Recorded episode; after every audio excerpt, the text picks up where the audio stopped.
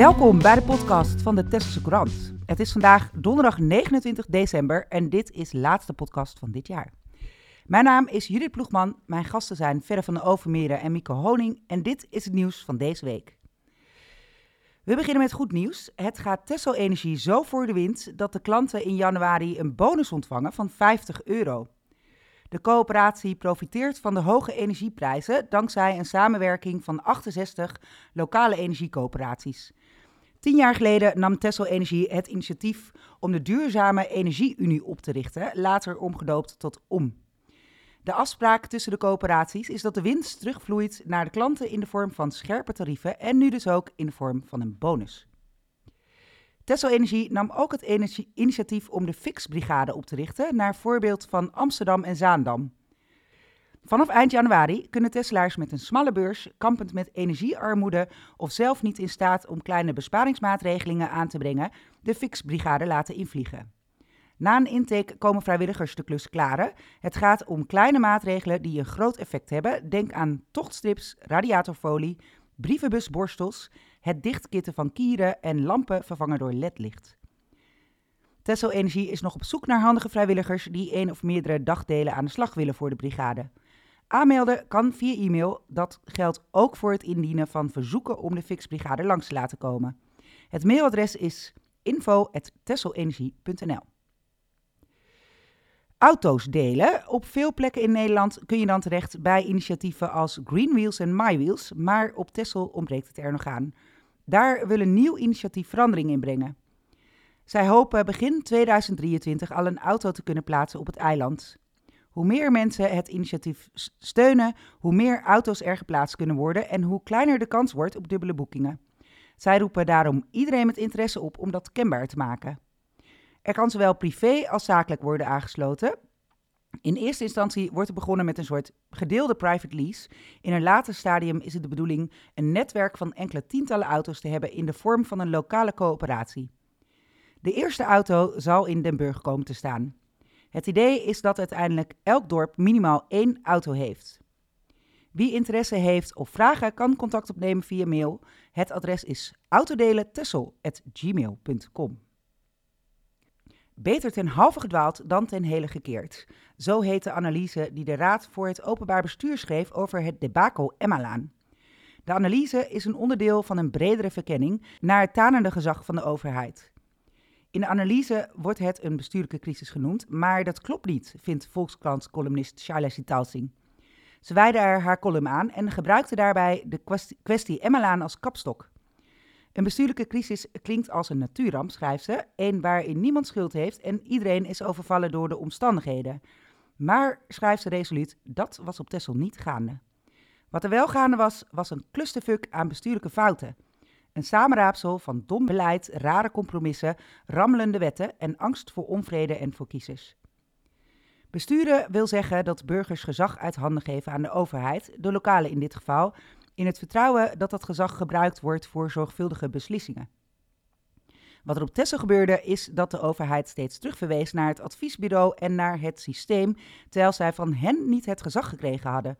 Dat kreeg ze van de burgers en die eisten dat weer terug toen bleek dat er niet zorgvuldig mee werd omgesprongen. En terecht, vindt Sitalsing. Ze vindt daarom dat de Emmelaan symbool staat voor wat bestuurders zich veel meer zouden moeten aantrekken: dat gezag aan overheden wordt geleend en dat de burgers hier op Texel precies deden wat ze hoorden te doen: dat gezag weer intrekken toen dat leidde tot een bestuurlijke clusterfuck. Kost wat, maar dan leer je ook wat, besluit ze positief. Eigenaren van Bed Breakfast willen aan tafel zitten bij gesprekken over het toerisme. Daarom hebben ze de krachten gebundeld in een nieuwe vereniging, B&B Vereniging Tessel. Op dit moment mogen er zes bedden in drie slaapkamers verhuurd worden, mits de functie ondergeschikt is aan de woonfunctie. Het college wil dat terugbrengen naar vier bedden in twee slaapkamers en naar een oppervlakte van maximaal 50 vierkante meter. Zo staat het in het zogenaamde ontwerp paraplu bestemmingsplan. Aanbieders van bed and breakfast zeggen dat ze zich niet gehoord en niet vertegenwoordigd voelen, terwijl de maatregelen hen wel treffen. Mico Honing, Evert Malschuit en Peter Zijm vormen het bestuur. Mico. Goedemorgen. Goedemorgen. Jij bent een van de oprichters. Heb jij een beeld hoeveel mensen door deze maatregelen getroffen worden? Nou, om met de deur uit te vallen, nee. Maar dat weet de gemeente ook niet. En dat is ook een van de dingen die ons uh, zo verbaast. We hebben afgelopen jaar een uh, registratieronde gehad, waarbij iedereen met een bed and breakfast zich moest registreren bij de gemeente. Daar zijn ongeveer 570 adressen uitgekomen. Maar daar zitten ook tweede woningen bij. En mensen die zich alvast hebben aangemeld, omdat ze in de toekomst misschien een bed and breakfast willen uh, uitbaten. maar bij die registratieronde ontbrak bijvoorbeeld ook hoeveel kamers elke bed and breakfast heeft, hoeveel parkeerplaatsen ze hebben, hoeveel, wat de bezettingsgraad is. Dus uh, wij hebben geen idee en we zijn nu bezig om te inventariseren, maar de gemeente heeft ook geen idee. In een artikel zei jij, uh, wij worden gezien als paria's. hoe zie je dat? Nou, een aantal jaar geleden is er in een enquête onder de bevolking, waarvan de uitslagen ook niet openbaar te vinden zijn, uitgekomen dat men het druktegevoel op Texel te groot vindt. Daar geeft de gemeente nu de bed and breakfast de schuld van. En uh, door de derde kamer weg te nemen, hopen ze uh, dat de parkeerproblemen bijvoorbeeld in Den Burg en in de centra van de dorpen, dat die verdwijnen. Op dit moment worden wij door de gemeente weggezet als, um, in, in mijn ogen, als uh, zakkenvullers, als mensen die de, de, drukte op het eiland veroorzaken. Um, en dat is gewoon niet waar. De bed and breakfast is een ondersteuning van het inkomen. Er zijn heel veel mensen, ook in mijn omgeving, jonge mensen die juist op het eiland kunnen blijven wonen omdat ze een bed and breakfast hebben. Want het is hier hartstikke duur om te wonen. Het is voor jongeren niet te doen om een huis te kopen. Ja, want, want hoe zit het bij jou? Jij hebt een bed and breakfast. Ja. Maak jij deel uit van die regeling? Ja, ik word getroffen door die regeling. De, uh, ik heb drie kamers, zes bedden. Um, ik heb gewoon uh, ik heb meer dan voldoende parkeerruimte op mijn eigen terrein. Ik voldoe aan alle voorwaarden die de gemeente stelt. Um, ik ben vijf jaar geleden begonnen. Daarbij heb ik de gemeente gevraagd, waar moet ik aan voldoen? Aan al die voorwaarden voldoe ik. en nu gaan ze dus beslissen dat ik een kamer moet inleveren. Dat betekent dat ik een derde van mijn inkomen kwijtraak. Dat is heel veel geld. Terwijl ik dus alle voorwaarden die de gemeente zelf gesteld heeft, daar voldoe ik aan. En dat ze met, met vooruitwerkende kracht dingen willen aanpassen, kan ik me iets bij voorstellen.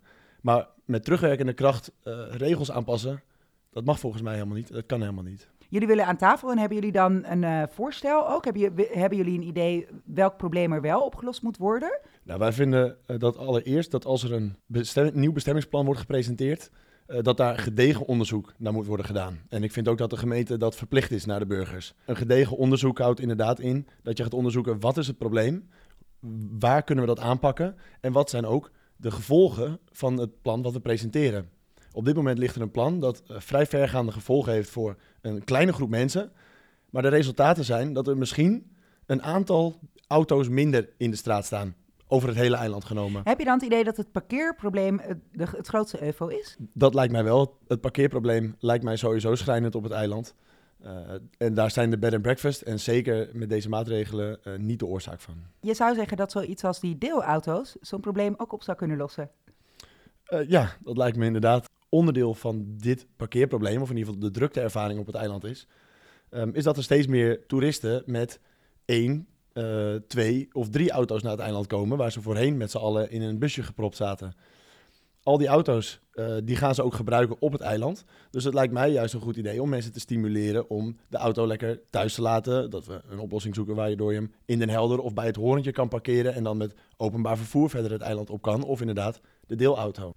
Ja, dus in kaart brengen wat nou eigenlijk precies het probleem is en gericht oplossen. Dat is jouw uh, devies. Dat lijkt mij ook. Op dit moment ligt er een plan uh, waarvan de gemeente geen idee heeft wat het op gaat lossen. En hoeveel auto's er dan bijvoorbeeld verdwijnen en hoeveel bedden er verdwijnen. Um, en het lijkt mij goed om eerst eens te gaan onderzoeken waar liggen de problemen en hoe gaan we die structureel aan kunnen pakken. En niet met een schijnmaatregel waardoor een, een kleine groep mensen vrij hard in de portemonnee wordt getroffen. Ja, dank je. Helder. Vorige week maakte Stichting Samen 1 Tessel bekend een bedrag gereserveerd te hebben voor Helium, een plan van een aantal jongeren voor de leegstaande Thijsenschool. Maar of dat plan door kan gaan is nog maar de vraag, want de gemeente is niet bereid het gebouw beschikbaar te stellen. In de krant van vandaag leest u een uitgebreid interview met de betrokkenen. De jongeren voelen zich niet serieus genomen door wethouder Remco van der Belt en hopen dat de gemeente bereid is een ander gebouw beschikbaar te stellen. Van der Belt zegt in een reactie dat hij enthousiast is over de initiatiefrijkheid van jongeren en dat hij ook best iets ziet in delen van het plan, maar dat hij zich niet herkent in de kritiek. Hij ziet het zo: de jongeren hebben de gemeente benaderd als eigenaar van de Thijsenschool en het gebouw is volgens hem niet geschikt. Het plan is te veel gefocust op één gebouw en het is te uitgebreid, vindt hij. Volgens hem moeten de jongeren het plan in delen opknippen en gericht met mensen in gesprek gaan. Zo zijn ze bijvoorbeeld ontevreden over het aanbod van de bibliotheek. Daarvoor hoeft geen nieuwe bibliotheek te worden opgericht, vindt Van der Belt. Ze kunnen ook in gesprek gaan over een ander aanbod. In het plan staan ook een vintage winkel en een naaiatelier. Volgens Van der Belt heeft dat meer kans van slagen als het niet in hetzelfde pand hoeft als een indoor skatepark. Ze kunnen met de dorpshuizen en de Question Plaza in gesprek over optredens van bandjes en voor café- en restaurantachtige avonden. En mogelijk is er een pand te vinden waar delen van het plan wel uitgevoerd kunnen worden. Een pand dat niet van de gemeente is. Verder, welkom. Dankjewel. Uh, wat vind jij van deze adviezen? Ja, nou ja, wat Remco van der Belt hier eigenlijk zegt is... het plan is niet geschikt voor thuisschool en je moet het opknippen. Terwijl wat zo sterk is aan het plan, dat je al die verschillende dingen hebt. En we hebben gesproken met verschillende groepen. En als je dat bij elkaar wil brengen, dan is het goed om alles bij elkaar te brengen. En zo kan je die jongeren andere groepen laten leren kennen. En die thuisschool, dat is zo'n geschikt gebouw omdat het ja, acht lokalen heeft, waar je dus acht ideeën um, kan verzinnen. Dat hebben we in het plan gedaan. Jij zegt eigenlijk een van de essenties van het plan is dat je verschillende groepen jongeren samenbrengt. En als je het plan opknipt, verlies je dat. Ja, en ik denk dat je het succes ook verliest, want je gaat alles op andere locaties neerzetten en dat heeft geen zin als je iedereen juist uh, bij elkaar wil laten komen. En uh, hoe gaat dit nu verder? Want vastgesteld is eigenlijk dat de Thijserschool niet doorgaat. Wij kijken natuurlijk ook verder. Zo zijn er andere gebouwen, zoals het oude postkantoor. Of... En als jullie aan het kijken zijn naar andere gebouwen, zijn jullie dan aan het kijken naar gebouwen waar dit hele plan uitgevoerd kan worden? Of zijn er ook delen van het plan die, die niet of in een later stadium uitgevoerd kunnen worden? Nou ja, er zijn, kijk, het, je moet het aanpassen wel aan het gebouw. Dus eh, de kijk, die thuisschool die heeft acht lokalen, dat is heel simpel. Dat oude postkantoor is uh, veel meer één grote ruimte. Dus hoe ga je dat opdelen? Misschien doe je wel één keer een heel groot etentje en die tafels gebruik je daarna als podium. Of hoe kan je dat allemaal verzinnen dat het toch past en dat je die meeste ideeën erin krijgt. En echt niet alles zal een succes zijn. En dat hoeft ook niet zolang het maar de basis van het plan werkt. Jullie willen de ruimte om te experimenteren. Ja, en dit is als pop-up wordt het gezien, dus dat zal een paar maanden er zijn. En uh, dan zal het weer verdwijnen. En dan kijken we, is het een succes? Kunnen we dit doorzetten naar volgende winter? Of kunnen we, hoe kunnen we dat weer uh, beter verbeteren? Ja, want en dat is een, belangrijk, dit is een belangrijk element van het plan uh, dat jij zegt. Het is de bedoeling dat dit alleen in de winter draait als pop-up. Ja, ja, want in de zomer is er voor, de, zeker voor de aantal jongeren en inwoners op Texel, denk ik heel veel te doen. En in de winter verdwijnt dat en uh, worden dagen korter en wordt het somberder. En ja, moeten mensen toch misschien een uh, lichtje aan de horizon zien om uh, er doorheen te komen. Mooi gezegd. Dankjewel. Jij wilde nog een oproep doen. Ja, ik wil graag een oproep doen naar alle jongeren, maar ook volwassenen. Als jullie nog ideeën, suggesties, tips wat dan ook hebben of vindt dat dit er moet komen. of een pand beschikbaar hebben. Of iets. Wij hebben een site, heliumtessel.nl. Daar kan je het volledige plan uh, zien en lezen. En dan krijg je er ook een beetje beeld bij. Daar staan ook onze contactgegevens. Dus ga allemaal naar heliumtessel.nl. Dankjewel verder. In de krant van vandaag staat ook een terugblik op het afgelopen jaar in foto's. Er gebeurde veel, er waren heftige stormen, raadsverkiezingen en de coronamaatregelen werden eindelijk beëindigd. Op 15 februari werden de versoepelingen aangekondigd. Op 24 februari werd de anderhalve meter afstand ingetrokken. En op 23 maart konden de mondkapjes in het openbaar vervoer af. Helaas ontvielen ons onder meer Dries Veldkamp en Heino Huizing. Uit protest tegen het stikstofbeleid werd de Vrije Republiek Texel uitgeroepen en vier Tesselse bedrijven werden gesaneerd. Tot ieders opluchting konden een heleboel evenementen weer doorgaan. De Maienbliss, Sommeltje Pop, Sunny Side Up, Sunbeats en Oude Sunder. Ook werd de lang verwachte terugkomst van de jurk, of jurken, zo bleek in Museum Kaapskil werkelijkheid, en werd de school officieel geopend. Verder, en Mico, wat is jullie het meest bijgebleven van het afgelopen jaar? Ik ben heel blij dat alle evenementen weer door zijn gegaan en dat we daarmee weer elkaar hebben kunnen ontmoeten en kunnen zien en kunnen vasthouden. En gewoon uh, leuke momenten kunnen beleven. Ja, herkenbaar. En jij, Mico? Nou ja, het houdt ook verband inderdaad met de coronamaatregelen. Ik denk dat het vooral heel fijn is voor alle ehm, Tesselse ondernemers dat, uh, dat ook alle uh, maatregelen van anderhalve meter, beperkingen in restaurants en cafés er weer vanaf zijn. Uh, waardoor Texel gewoon weer als, uh, als vakantieeiland, als leuk, gezellig eiland uh, bij de toeristen over kan komen. In plaats van de, de stilte en de leegte die het de afgelopen twee jaar in de winter nog eens met zich meebracht. Ja, lucht. Tot slot nog een oproep van de molenaars van de Traanroeier en Museum Kaapskil. Pas op met vuurwerk.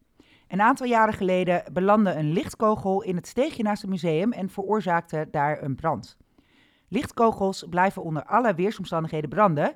Daarom is het verboden ze af te steken, behalve als er een schip in nood is. Het museum wijst erop dat ook vuurpijlen, die wel zijn toegestaan, brand kunnen veroorzaken. Met name het rieten dak van de molen is kwetsbaar. De molenaars gaan het van tevoren nat maken, maar laat het museum weten. Daarna willen ze graag zorgeloos aan de oliebollen. Namens iedereen bij de Tesselse krant wens ik jullie alvast een heel gelukkig nieuwjaar. Op 5 januari zijn we er weer, dan hoort u mijn collega Michelle weer op deze plek. De Tesselse krant verschijnt twee keer per week en staat steeds boordevol nieuws, reportages en achtergronden.